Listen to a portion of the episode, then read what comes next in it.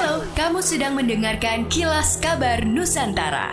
Podcast persembahan KG Radio Network menyajikan berita harian yang mengangkat keunikan dari berbagai wilayah Indonesia. Kilas Kabar Nusantara dapat juga didukung oleh pengiklan loh. Oke Google, rekomendasi podcast K-pop dan K-movie yang asik dan gak ngebosenin. Hai pencarian rekomendasi podcast K-pop dan K-movie yang asik dan gak ngebosenin adalah podcast 3 Minute Update Spesial Korea. 3 Minute Update Spesial Korea. 안녕하세요.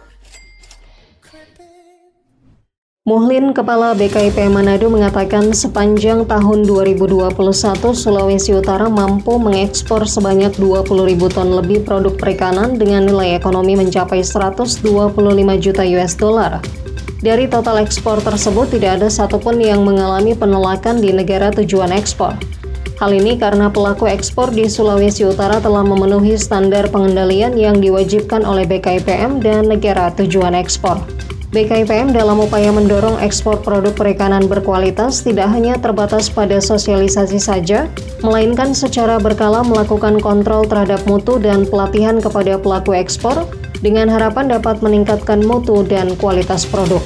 Badan Pusat Statistik Sulawesi Utara dalam rilis perkembangan indeks harga Sulawesi Utara menyampaikan bahwa pada bulan Oktober 2022, Kota Manado sebagai salah satu kota yang menjadi indikator inflasi di Sulawesi Utara mengalami deflasi 0,12 persen.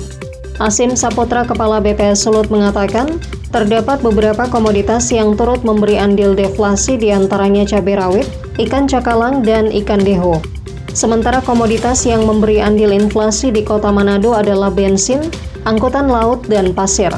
Secara tahunan, ASI mengatakan kota Manado mencatat inflasi 4,65 persen, di mana capaian itu jika dibandingkan dengan daerah lain di Pulau Sulawesi menjadi yang terendah, sementara yang tertinggi terjadi di Parepare yang mencatat inflasi 7,66 persen secara tahunan.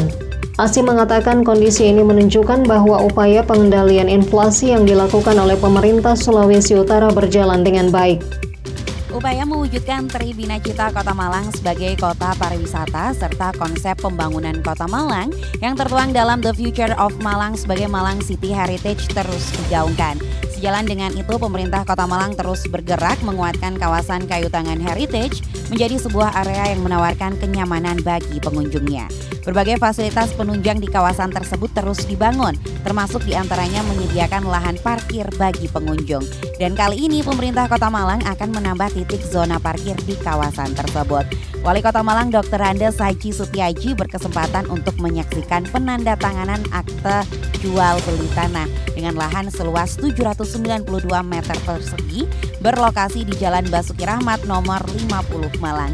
Penandatanganan dilaksanakan antara Kepala Dinas Perhubungan Kota Malang, R. Wijaja Saleh Putra, dengan pemilik lahan yakni Lisa, di mana Sam Sutiaji juga mengatakan jika tanah tersebut akan ditata untuk menjadi lahan parkir.